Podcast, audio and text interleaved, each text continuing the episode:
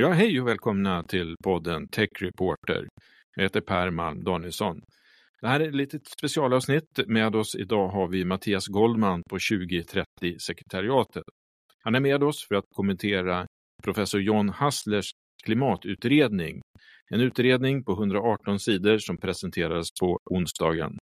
Det är en utredning med 46 förslag för klimatomställning i ljuset av Fit for 55 som rubriken är. Han anser att de svenska klimatmålen bör uppdateras i ljuset av EUs klimatstiftning och mycket, mycket mer. Allt det här kommer vi prata med Mattias om som är, bland annat kallar hela utredningen för en spikmatta för 2030-målen.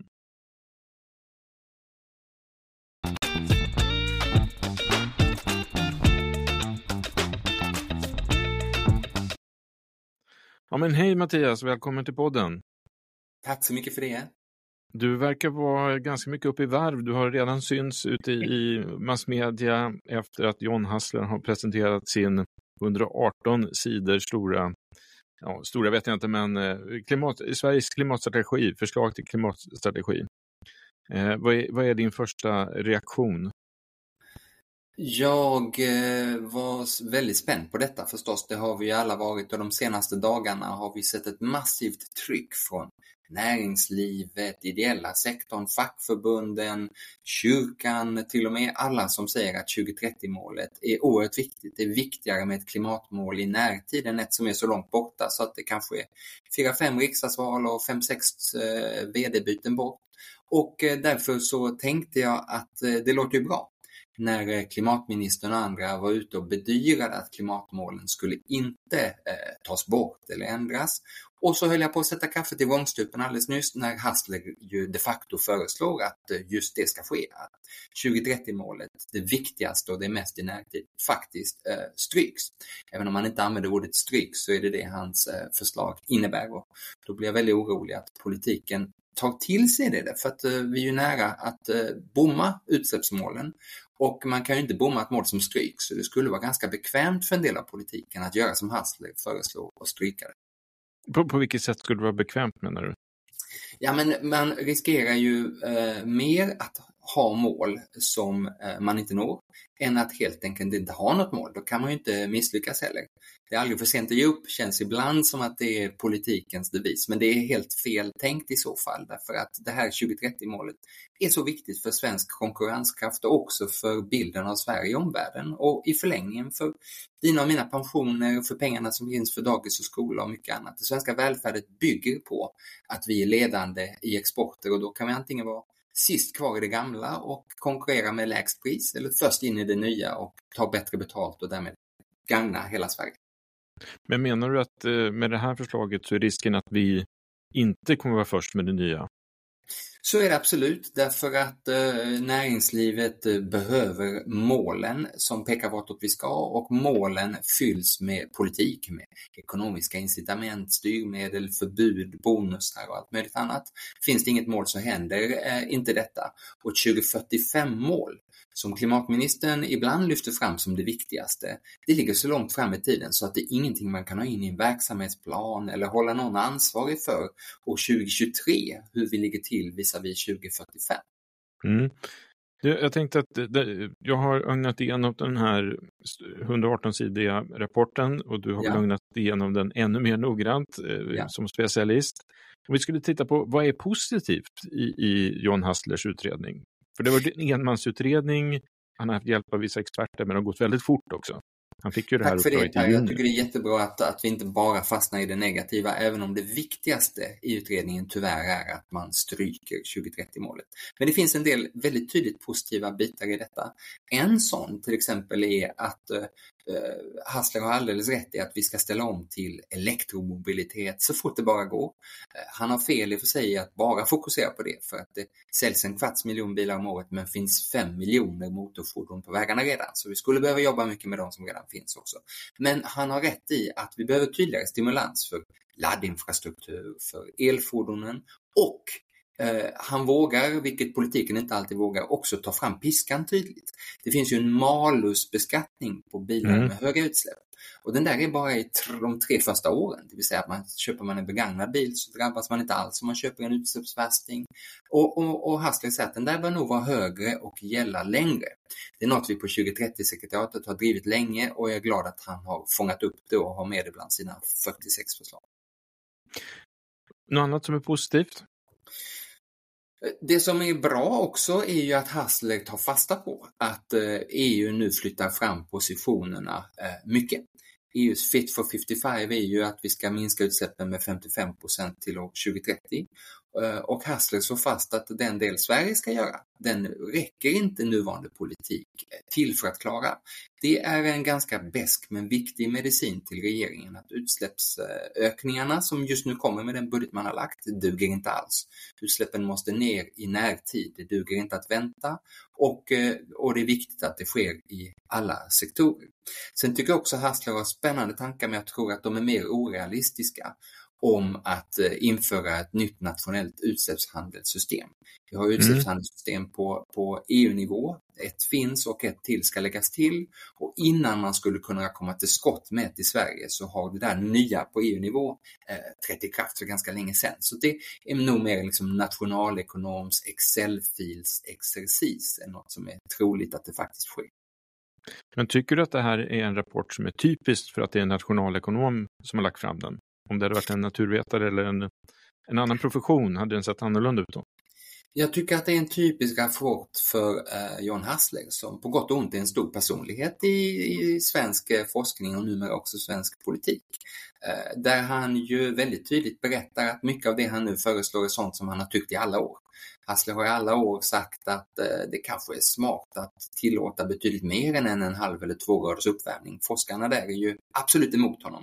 Naturvetarna men också de flesta ekonomerna faktiskt säger att det blir väldigt, väldigt dyrt att bomma klimatmålen. Det är en sund investering att hejda klimatförändringarna medan tid är. Och Hassler har också fel i att man bara kan sätta stopp vid 3-4 grader. Vi är nära det som kallas tipping point så att det inte längre går att hejda. Det är också en typisk Hassler-utredning att han utan att ha väldigt mycket på fötterna tycker om väldigt många saker. Till exempel den reduktionsplikt som är en mycket viktig del av svensk utsläppsminskning och som man fick många frågor om på, på, vid sin presentation. Där eh, säger han på lite lösa grunder att det är dumt därför att mycket av biobränslena är importerade. Men de fossila bränslena är ju per definition till 100% importerade och denna reduktionsplikt är själva grunden för att kunna öka den inhemska produktionen just nu när eh, kraven i reduktionsplikten börjar bli så pass höga så att det gynnar en inhemsk produktion. Just nu eh, vill regeringen och Hassler att man eh, minskar den eller kanske rent av helt tar bort den. Och där tror jag att hans eget ego och kaxighet har kommit lite i vägen för att göra en ordentlig analys. Men om du hade fått det här uppdraget, eh, hur hade rapporten sett ut då?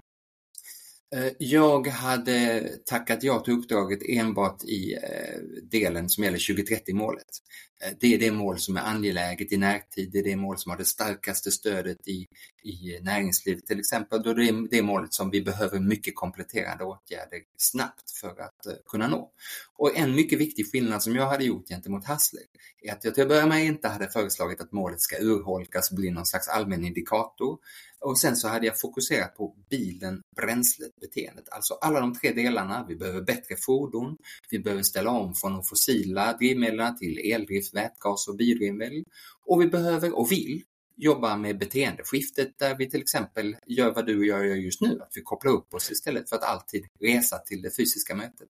Hassler fokuserar Nej. enbart på eldriften och det är en oerhört dum eh, avsnörpning av målet. Jag tycker det är intressant det du säger om beteende, för det har man ju, man pratade om det, men det finns inte så mycket stimulans för mig eller för oss som privatpersoner att ändra vårt beteende för att minska eh, avtrycken.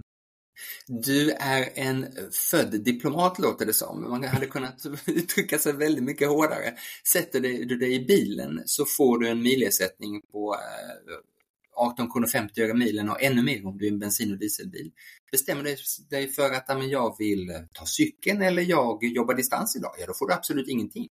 Trots att du både bidrar till klimatmålen och avlastar infrastrukturen och Dessutom så eh, kan det också bidra till ett ökat välmående och därmed minskade kostnader för sjukvård och så när man ibland jobbar distans istället för att varje dag pallra sig till och från jobbet. Mm. Så det, du har helt rätt att det finns väldigt lite eh, stimulans på beteendesidan och det gör ju också att väldigt stora utsläppsminskningar kan nås där samtidigt som de flesta av oss skulle applådera detta. Alltså det skulle svida väldigt mycket mindre än de till exempel högre priser på drivmedel som Hassler eh, föreslår. Där vill jag förut också honom rätt, att det har rätt i, men man behöver inte jobba så mycket med drivmedelspriserna om man jobbar mer med beteendesidan. Mm. Eh, jag såg att du kommenterade den här utredningen som att han lägger ut en spikmatta. Kan, kan du förklara det begreppet och varför du använder det? Om man är på väg full fart framåt från svenska fordonstillverkare, drivmedelsproducenter, aktörerna inom beteendeskiftet för att klara 2030-målet och har skrivit in det i sina egna verksamhetsplaner och skrivit under debattartikel på debattartikel om hur viktigt målet är och så kommer professor Hassler och säger det här målet det stryker vi och istället ska vi ha en indikator som bara handlar om eldrift. Då blir det som att man kör över en utrullad spikmatta och det blir tvärstopp för omställningen.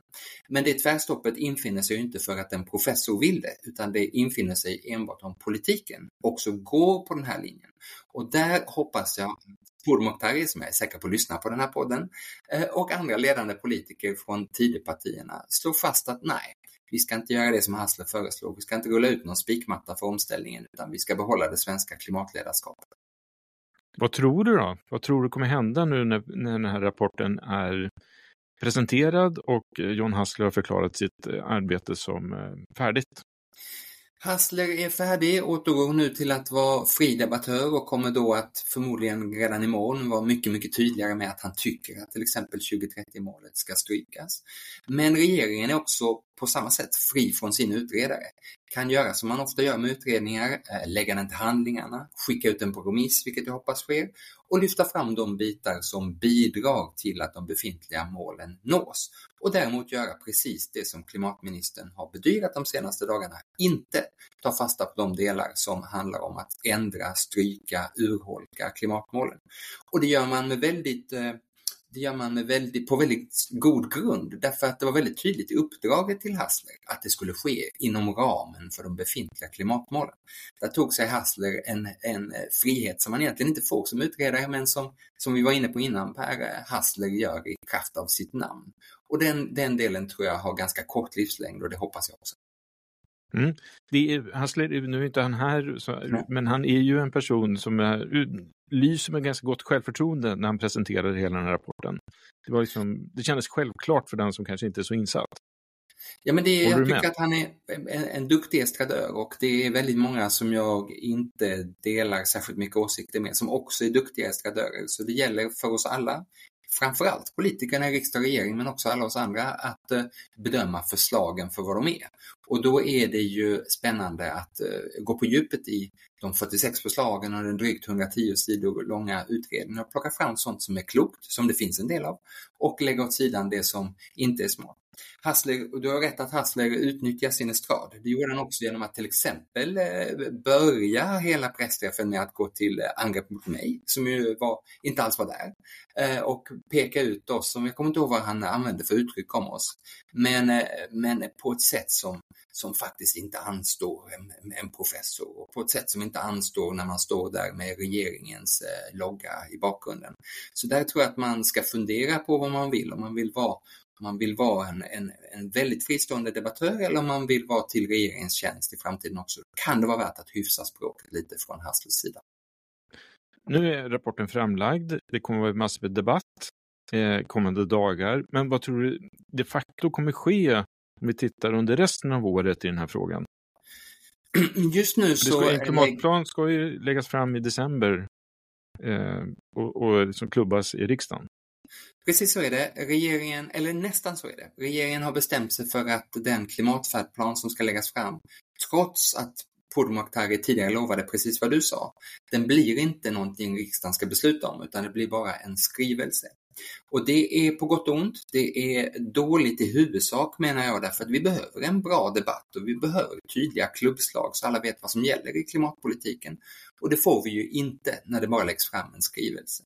Å andra sidan, när nog många med mig från näringslivet, från oppositionen, facken och så vidare, eh, är oroliga att Hasslers förslag om att stryka klimatmålen eh, kommer att ske, så kan de ju inte det med en skrivelse bara.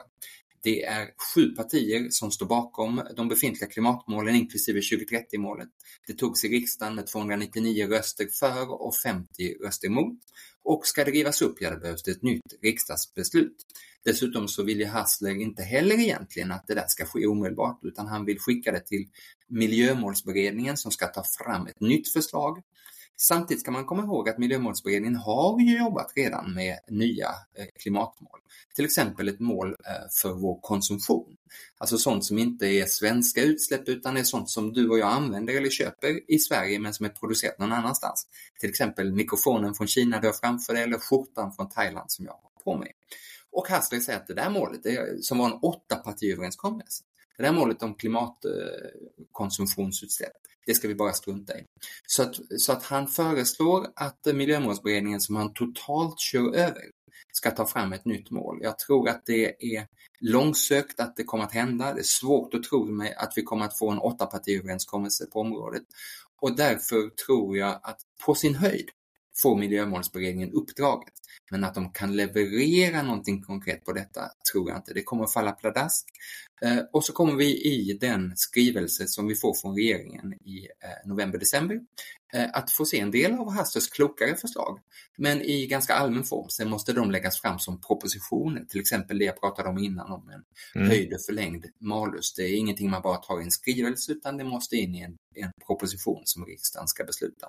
Så det är lång väg fram på många av dessa områden, men just nu har regeringen en oerhört viktig roll som inte bara handlar om vad de ska skriva så småningom, utan att lugna det allra värsta just nu. Lugna alla oss som tänker att nu är spikmattan framlagd, nu blir det eh, rekordpunka på omställningen och slå fast att klimatmålen gäller i den form som riksdagen beslutat. Och ditt arbete på 2030-sekretariatet, fortsätter det nu? Mitt eh, och vårt arbete och alla våra 80-talet partner på 2030-sekretariatet eh, fortsätter med större kraft än någonsin. Man kan ju säga att vi behövs ju egentligen inte om det är självklart att målet nås. Då kan vi luta oss tillbaks, då, för vi är en slags coalition of the willing och löftesleverantörer mot politiken som lägger fram förslag på hur målen ska nås. Det gäller både det svenska 2030-målet och 2030-målet från eh, EU. Och eftersom Hassler har rätt i den delen, att det behövs väldigt mycket mer åtgärder för att nå EUs och Sveriges eh, klimatmål så har vi bråda dagar på 2030-sekretariatet. Men inte mer bråda än att det är härligt att få vara med i en podd också och lyfta fram just detta att ja. tryggheten i målen måste bestå. Så ni kommer inte byta namn till 2045, sekretariatet? Nej, det kommer vi inte att göra. Och eh, vår målbild är att eh, sista december, nyårsafton 2030, ha en stor fest. Mission accomplished, vi har klarat målet. Men eh, vi vet från eh, damernas fotbolls-VM och liknande att ibland kan det bli rent av 10 minuters förlängningstid i en fotbollsmatch och det kan också bli att vi måste nå 2030-målet på övertid. Då kommer vi att hang in there, men vi kommer aldrig att släppa målbilden 2030 och vi kommer aldrig att acceptera att den skjuts många år på framtiden. Vad bra. Stort tack Mattias. Tack för att jag fick vara med. Tack för denna podd.